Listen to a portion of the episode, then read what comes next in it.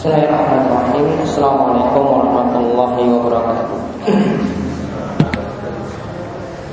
Alhamdulillah Rabbil Alamin. Hamdan kasiran tayyiban barakan fi Kama yuhibbu rabbuna wa asyhadu an la ilaha illallah Wahdahu la syarika lah. Wa asyhadu anna Muhammadan abduhu wa rasuluh.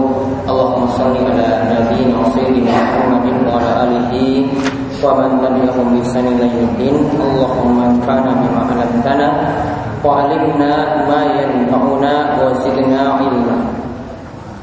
Ikhwan fiddin wa akhwati fillah para jamaah sekalian yang mungkin selalu dirahmati dan diberkahi oleh Allah Subhanahu wa taala.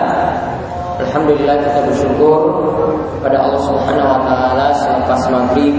Seperti saat ini kita dapat melanjutkan kembali kajian rutin kita dari kitab Riyadhus Shalihin yang di mana fokus kita adalah membahas masalah-masalah adab.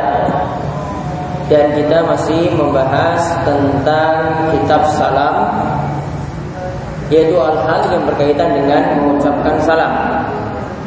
Dan kita masih dalam bab kaifiyatus salam yaitu cara mengucapkan salam.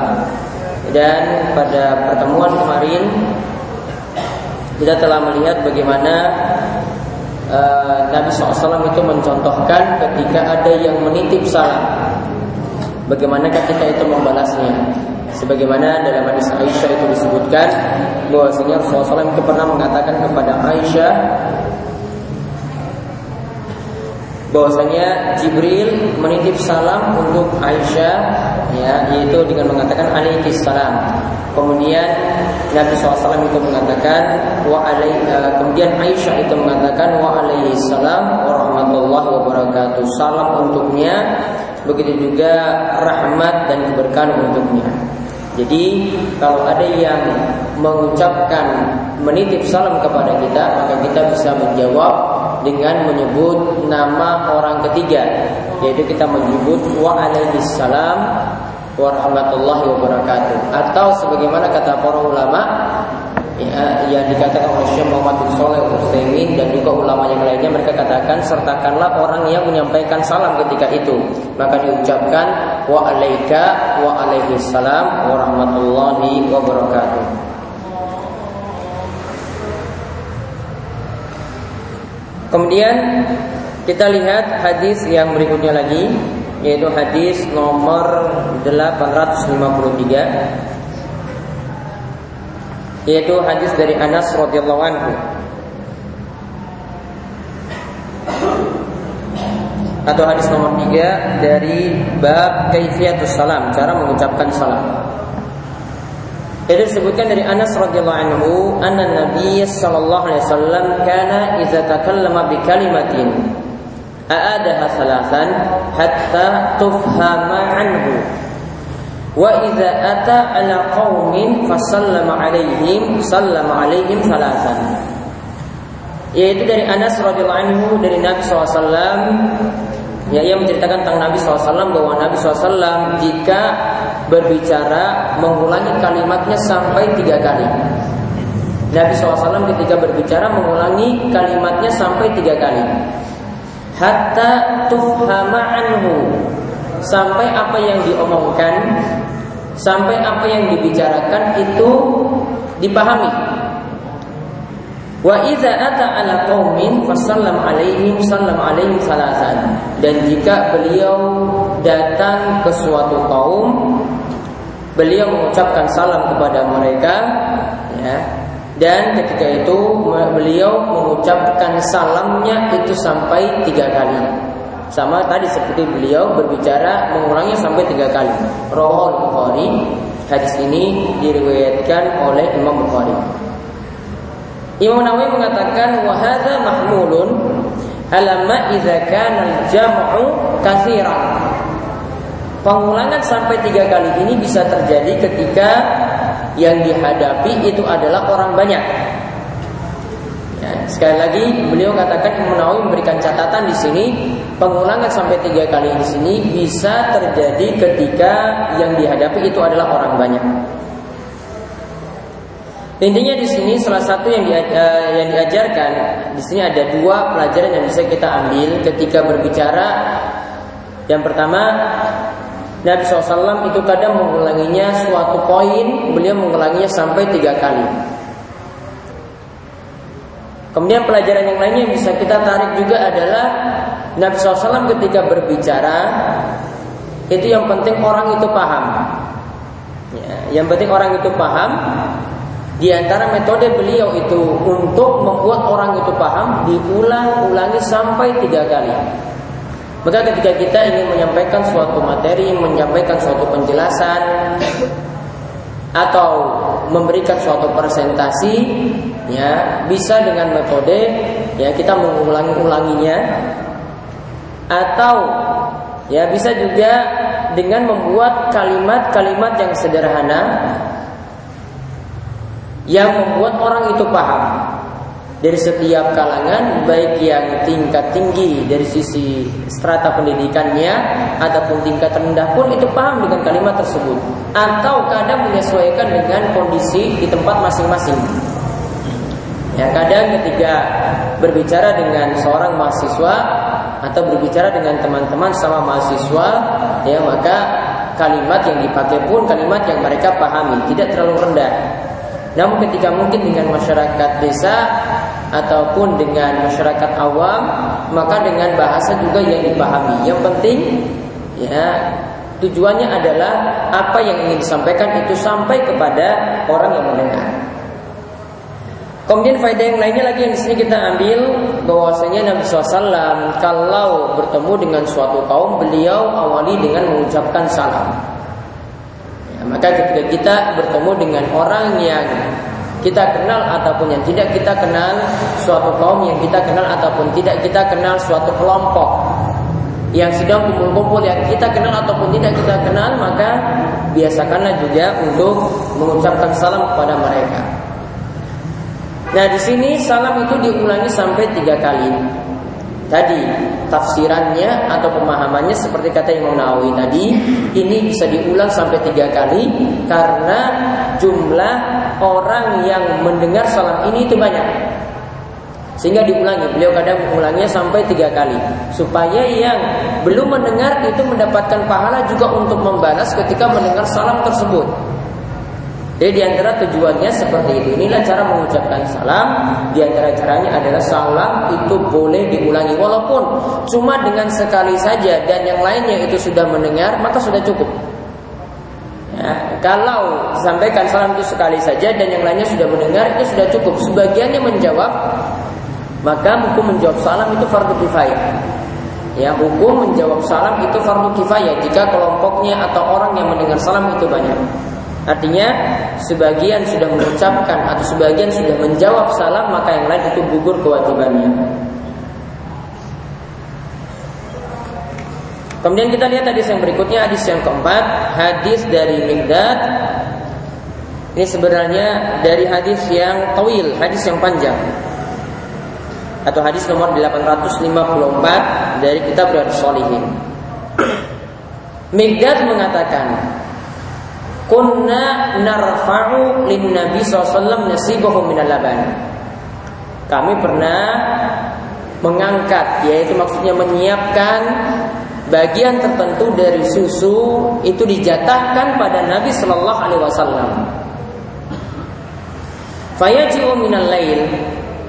Lantas Nabi SAW itu datang di malam hari fayusallimu tasliman la yuqidhu naiman wa yusmi'u liyaqdhan dan ketika itu beliau menyalami mengucapkan salam orang-orang yang sedang tidur itu tidak terbangun Beliau mengucapkan salam ketika itu orang-orang yang sedang tidur itu tidak terbangun dan orang-orang yang lagi belum tidur itu mereka mendengar salam tersebut. Fajar Nabi SAW Fasalam maka makana yusallim Ya maka Nabi SAW itu datang mengucapkan salam ya sebagaimana kamakana yusallim. Nabi SAW itu fasallama mengucapkan salam kamakana yusallim. Ya sebagaimana beliau biasanya mengucapkan salam seperti itu. Hadis ini diriwayatkan oleh Imam Muslim.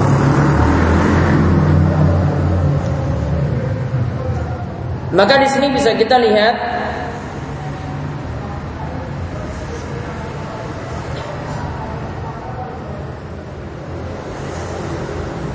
Menurut ulama Syafi'iyah, faedah yang bisa kita ambil di sini ini adalah pendapat dari ulama Syafi'iyah sebagaimana dikatakan oleh Imam Nawawi Beliau mengatakan bahwasanya ulama Syafi'iyah itu mengatakan disyaratkan ketika ingin memulai mengucapkan salam hendaklah suaranya dikeraskan. Ketika ingin mulai mengucapkan salam hendaklah suaranya itu dikeraskan. Dengan tujuan maksudnya di sini adalah supaya yang ditujukan salam tersebut mendengarnya. Yang dimaksudkan mengeraskan di sini maksudnya orang yang tadi dalam keadaan sadar itu bisa mendengar salam tersebut. Jika orang yang tadi ditujukan salam tersebut sudah mendengarnya maka tidak perlu menambah lebih daripada itu. Nah, dan faedah yang kedua bisa kita ambil dari hadis ini adalah untuk mengucapkan salam kadang melihat kondisi orang yang ditujukan salam. Ya, kadang ketika kita mengucapkan salam mesti melihat kondisi orang yang kita tujukan salam. Apakah orang tersebut dalam keadaan sudah tertidur kalau tertidur ya sudah, tidak usah kita ucapkan salam. Atau mungkin ada yang masih mendengar salam, ada yang sudah tertidur. Maka ketika itu ucapkan salam cukup untuk orang yang lagi sadar saja yang nanti mendengarnya. Yang sedang tidur jangan dibuat bangun.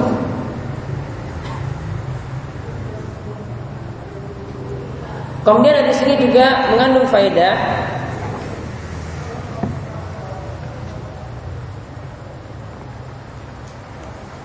tentang adab mengucapkan salam khusus bagi orang yang tidur. Di sini diperhatikan kondisinya. Intinya kalau kita melihat dari hadis ini, seandainya itu tidak ada sama sekali yang sadar, maka tentu saja Nabi SAW tidak mengucapkan salam. Ya, karena ini dapat membuat orang yang sudah tertidur, apalagi itu keadaan butuh untuk istirahat, ya, ketika itu ya mengganggu maka ketika itu pilihannya adalah tidak mengucapkan salam. Namun kalau ada tadi sebagaimana disebutkan sebagiannya ada yang sadar, maka ketika itu tetap mengucapkan salam. Kemudian di sini juga menunjukkan bagaimana adab atau akhlak Nabi SAW yang mulia, di mana beliau selalu memperhatikan kondisi para sahabat. Ya, beliau tidak memaksakan diri harus ketika bertemu harus dengan suara yang keras untuk mengucapkan salam. Namun ketika itu memperhatikan kondisi mereka, apakah dalam keadaan tidur ataukah tidak. Ini menunjukkan adab dan tingkah laku beliau yang sangat-sangat baik yang patut kita contoh. Ya, sehingga kalau ada di antara saudara kita mungkin butuh istirahat, maka tidak perlu kita ganggu. Ini menunjukkan adab yang mulia yang bisa kita contoh dari Nabi Shallallahu Alaihi Wasallam.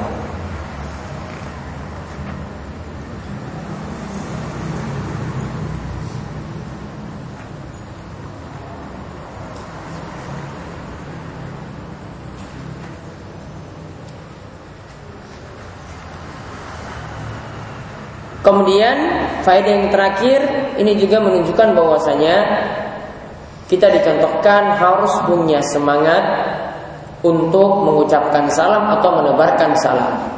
Karena meskipun ada yang tertidur pun masih ada yang mau mendengar tetap mengucapkan salam ketika itu. Artinya di sini dicontohkan oleh Nabi SAW mendaklah semangat dalam melakukan kebaikan seperti itu. Kemudian hadis yang berikutnya. Hadis yang berasal dari sahabat sahabiyah Asma binti Yazid. Hadis nomor 855. Di mana ia mengatakan anna Rasulullah sallallahu marra masjid yauman. Rasulullah SAW itu pernah lewat di masjid pada suatu hari. Wa usbatun minan nisa'i qu'udun.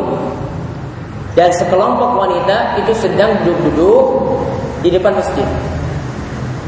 Jadi masukkan usbah di sini adalah bilangan dari 10 hingga 40. Ya, bilangan dari 10 hingga 40. Berarti orang wanita yang banyak ketika itu.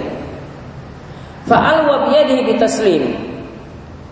Lantas Nabi SAW memberikan isyarat ya, memberikan isyarat untuk mengucapkan salam. Wakal ya, hadis ini rawahu Tirmizi, hadis ini diriwayatkan oleh Imam Tirmizi dan hadisnya itu hasan. Kemudian Imam Nawawi mengatakan wa hadza mahmulun ala annahu sallallahu jama'a bainal lafzi wal isyarah. Hadis ini dipahami kata Imam Nawawi bahwasanya Nabi SAW tadi bukan hanya berisyarat, namun beliau menggabungkan antara isyarat dengan salam. Wa yu'ayyiduhu anna fi riwayat Abi Dawud fasallama alaina. Karena dalam riwayat Abu Dawud tadi riwayat Tirmizi dalam riwayat Abu Dawud itu disebutkan maka Nabi SAW mengucapkan salam kepada kami. Berarti sini kesimpulannya Tadi dalam hadis tersebut itu bukan hanya Nabi SAW itu berisyarat, namun juga sambil mengucapkan salam ketika itu.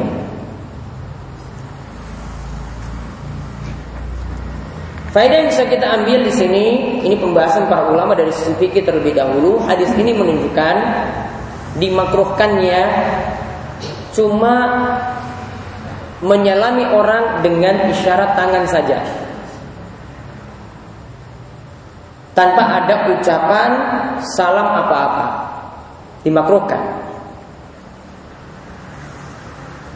Bahkan perbuatan ini ini termasuk yang menjadi kebiasaan ahli kitab dan kita diperintahkan untuk menyelisih ahli kitab.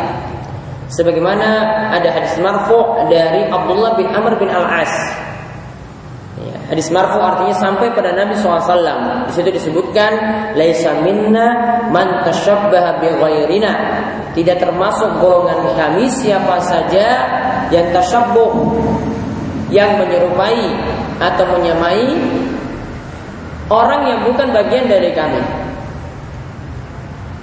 La tashabbu bil yahud wala bin nasara. Janganlah kalian ikut tashabbu menyerupai model-model atau tingkah laku atau gaya orang Yahudi dan orang Nasrani.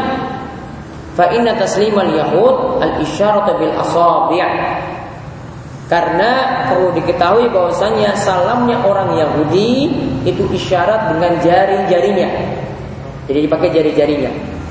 Kalau isyaratnya Ya, tas, eh, salamnya orang Nasrani dikatakan wa tasliman nasara al isyaratu bil akuf. Kalau isyaratnya orang Nasrani itu isyaratnya itu adalah salamnya orang Nasrani itu adalah isyarat dengan tangan.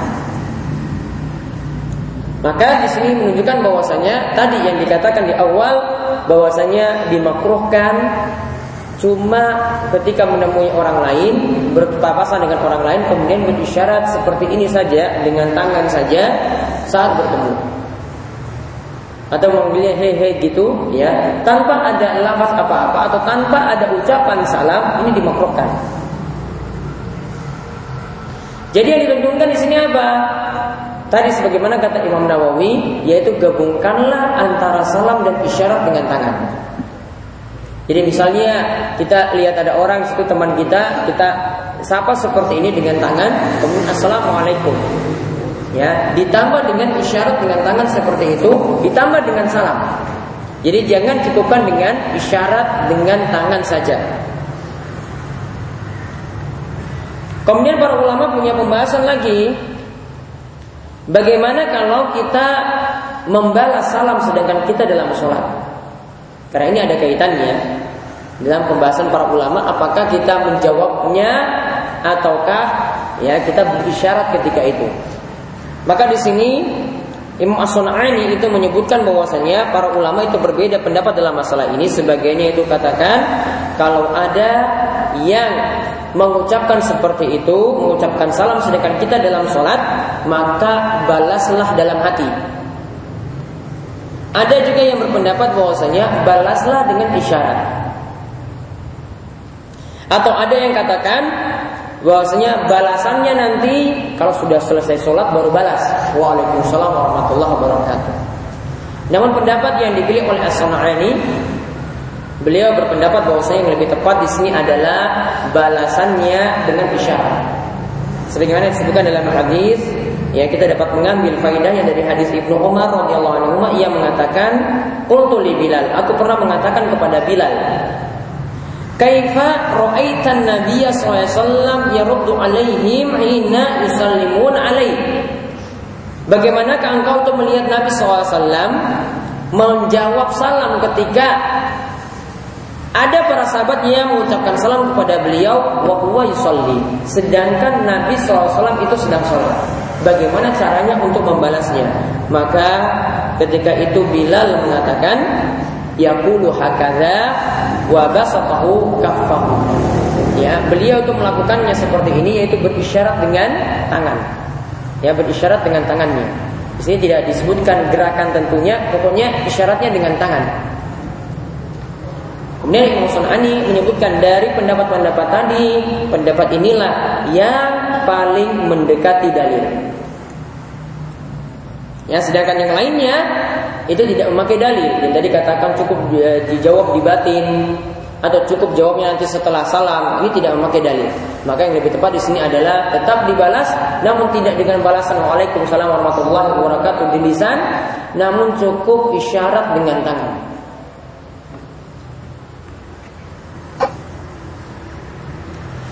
Kemudian kita juga melihat dari hadis ini faedah yang lainnya dikatakan masjid. Masjid para wanita kumpul-kumpul di situ. Maka sudah sejak masa silam masjid itu dijadikan tempat untuk kaum muslimin itu berkumpul. Jadi kalau ada permasalahan apa, ya mereka musyawarah ya di masjid. Kalau ingin kumpul-kumpul ya mereka itu kumpul-kumpulnya itu di masjid. Jadi ini sebagai pusat di mana mereka itu berkumpul atau ingin berdiskusi atau membicarakan tentang masalah agama atau ya untuk mengkaji agama mereka melakukannya di masjid. Jadi jadikanlah fungsi masjid itu seperti itu yang di mana masjid itu dijadikan sebagai kemaslahatan orang banyak. Kemudian juga disebutkan di sini para wanita. Jadi disebutkan di sini bagaimanakah para wanita juga nongkrong-nongkrong di masjid. Ini menunjukkan karena di sini Nabi SAW itu memberikan salam kepada para wanita Tadi dengan isyarat dan tangannya ini menunjukkan bahwasanya Islam juga sangat-sangat perhatian pada para wanita. Islam itu memberikan perhatian yang besar kepada para wanita. Seandainya para wanita itu tidak dipedulikan atau Nabi SAW cuma hanya mau menegur laki-laki saja, tentu saja Nabi SAW tidak perlu menegur ya para uh, para wanita yang duduk ketika itu. Namun Nabi SAW ketika lewat suatu saat melihat para perempuan itu duduk, beliau berisyarat dengan tangannya dan sambil mengucapkan salam.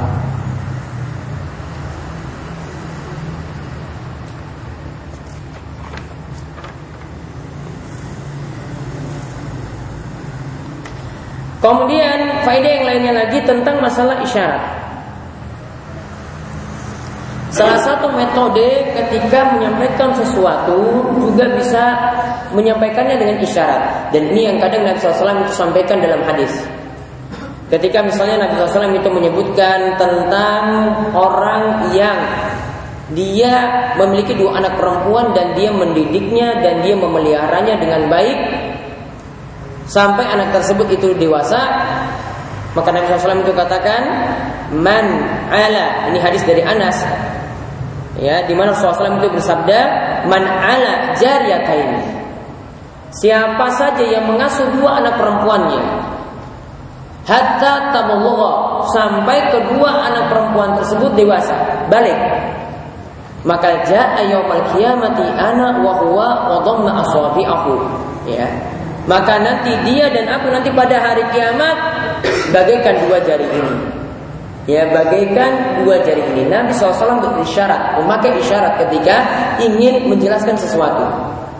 Beliau tidak mengatakan dengan kata-kata di sini Namun cuma mengatakan apa? Bagaikan dua jari ini. Ya ditambah dengan tadi sebelumnya ucapan Ditambahkan dengan isyarat. Dari sini menunjukkan bahwasanya Kadang dalam penyampaian sesuatu Boleh kita menggunakan isyarat-isyarat seperti itu Begitu juga tentang Orang yang menyantuni anak yatim Nabi SAW juga mengatakan sama. Ya, anak wakafilul yatim, aku dan penyantun anak yatim, pengasuh anak yatim itu bagaikan dua jari ini. Beliau juga berisyarat dengan jari seperti ini dan para ulama menjelaskan dua jari ini di tengah-tengahnya tidak ada jari yang lainnya.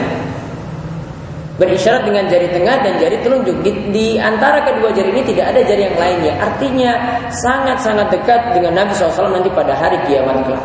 Dan itu menunjukkan kedudukan yang mulia bagi orang yang tadi yang pertama yang menyantuni dua anak perempuan dan juga orang-orang yang menyantuni anak yatim.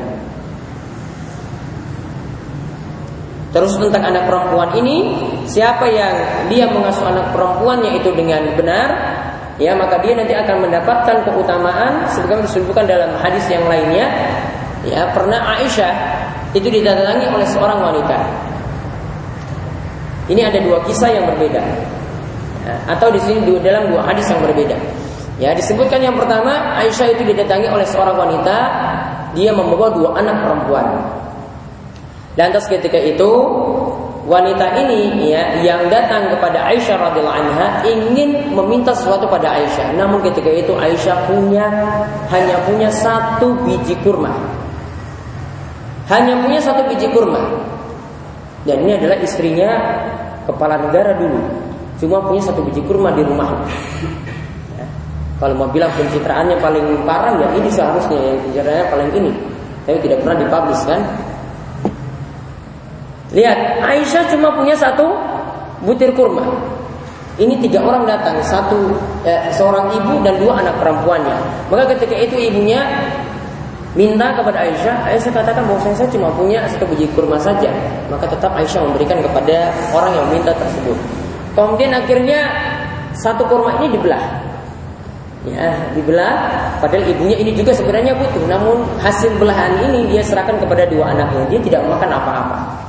Padahal seorang ibu ini sangat-sangat butuh pada makanan semacam itu juga. Maka ketika itu Aisyah melaporkan kepada Nabi SAW tentang apa yang telah terjadi.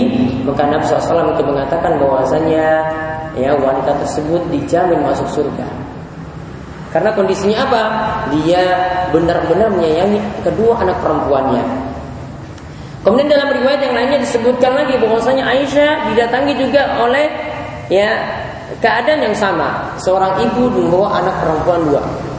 Ketika itu Aisyah memiliki tiga butir kurma. Aisyah memiliki tiga butir kurma. Ya saat itu Aisyah memberikannya kepada perempuan tadi dan tadi dia membawa dua anaknya. Kemudian diserahkanlah satu kurma kepada masing-masing anaknya. Dua kurma diserahkan kepada dua anaknya tadi. Sisa satu kurma ibu ini ingin memakannya. Kemudian ketika ingin menyantapnya, anaknya merengek-rengek lagi. Bu, saya juga pingin tadi kurma tersebut. Akhirnya ibunya yang tadi sebenarnya butuh makan, serahkan lagi kepada putrinya tadi. Kemudian hal ini juga diceritakan pada Nabi SAW. Kemudian Nabi SAW itu mengatakan bahwasanya wanita tadi dengan dia menyantuni kedua putrinya, dengan dia itu membantu kedua putrinya, maka dia akan diselamatkan dari neraka. Tadi dikatakan masuk surga, yang kedua ini dikatakan selamat dari neraka. Nah, itu tadi intinya di sini jelaskan tentang isyarat ya karena Nabi SAW juga ketika menjelaskan sesuatu beliau memakai isyarat dengan jarinya ya atau dengan memakai isyarat dengan bentuk yang lainnya dari tubuhnya. Kemudian hadis yang terakhir yang kita bahas yaitu hadis dari Abu Umamah radhiallahu anhu. Ia berkata bahwasanya Rasulullah SAW itu bersabda, Inna awlan nasi billahi man badahu bisalam. Rasul Shallallahu Alaihi Wasallam itu bersabda, sesungguhnya manusia yang paling utama di sisi Allah itu adalah yang memulai mengucapkan salam. Yang paling mulia itu adalah yang mulai mengucapkan salam. Hadis ini rawahu Abu Dawud diriwayatkan oleh Imam Abu Dawud dengan sanad yang jayyid. Wa rawahu Tirmizi diriwayatkan juga oleh Imam Tirmizi bin nahwihi semacam itu. Wa qala dan Imam Tirmizi mengatakan hadisun hasan. Hadis tersebut hasan. Wa qad dzukira ba'dahu dan disebutkan lagi setelah itu. Intinya di sini salah satu lagi cara yang disebutkan dalam hadis ini bagaimanakah adab atau cara mengucapkan salam. Disebutkan di sini yang paling duluan mengucapkan salam itulah yang paling baik. Yang paling duluan mengucapkan salam itulah yang paling baik.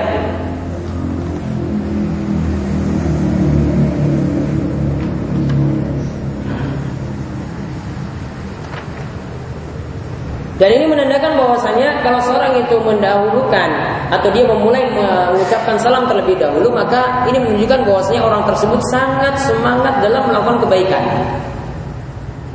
Ya, sangat semangat untuk melakukan kebaikan. Dia tidak mau dikalahkan oleh orang lain dalam mengucapkan salam tadi. Ya, siapa yang lebih dulu tadi ingin mendapatkan keutamaan yang besar seperti itu. Dan ini juga didukung dalam hadis-hadis yang lainnya seperti misalnya dalam hadis ayu akrabun nasi minal mutalakina ila rahmatillah min bada'is salam. Ya, disebutkan uh, ini bukan dalam hadis namun ketika itu Imam At-Tibi itu menjelaskan hadis tersebut dia mengatakan orang yang paling dekat dengan rahmat Allah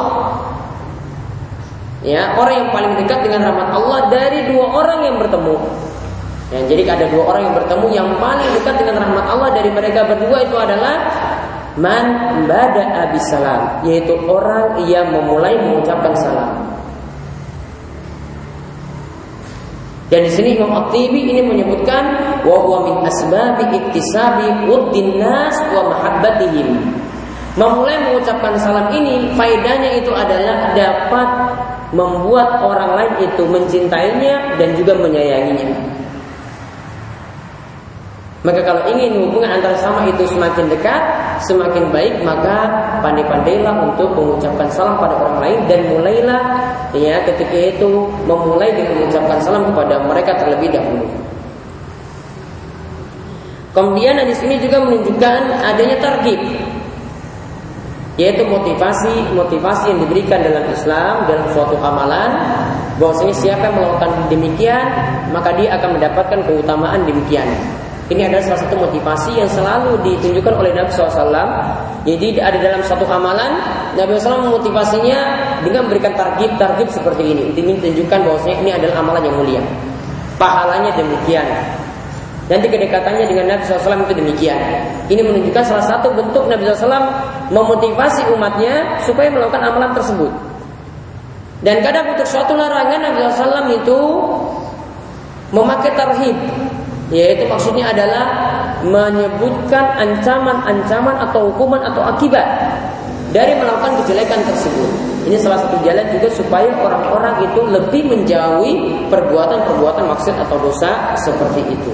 Intinya yang dibahas dalam hadis ini itu adalah dibicarakan tentang siapa yang memulai mengucapkan salam terlebih dahulu dialah yang paling mulia, yang paling dianggap mulia di sisi Allah Subhanahu wa taala dari dua orang yang bertemu ketika itu. Nah ini saja yang bisa kami sampaikan pada kesempatan kali ini mudah-mudahan bermanfaat mudah-mudahan Allah Subhanahu Wa Taala menganugerahkan kepada kita ilmu ya dan beri taufik untuk mengamalkan ilmu tersebut dan terus diberikan keistiqomahan. Ada yang ingin tanyakan? Ya, kalau ketemu dengan satu kaum itu mengucapkan salam terus kita apa harus menjabat tangan sekelompok orang yang ada? Yang ditentukan ketika bertemu ya mulai dengan salam terlebih dahulu. Ya, berjabat tangan tidak di sini tidak terlalu dituntunkan dibandingkan dengan mengucapkan salam. Tidak mesti dengan menyalami orang satu persatu. Mungkin orang yang terdekat saja yang disalami baru ketika itu duduk. Yang penting ketika itu mengucapkan salam ketika masuk dalam majelis semacam itu. Ada lagi? Ya.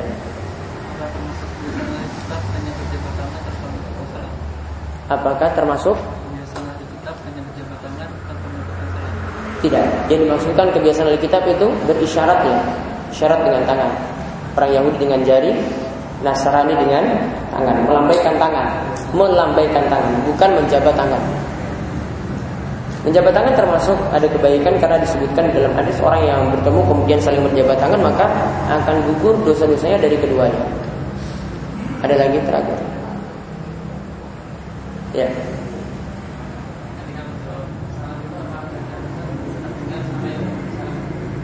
Apakah salam harus terdengar uh, apakah yang menjawab salam ini harus terdengar sampai pada orang yang mengucapkan salam. Sebaiknya seperti itu. Ya, dalam kita membahas kemarin cara, cara menjawab salam itu dari sisi ya jumlah kalimatnya itu harus ya minimal sama atau lebih banyak.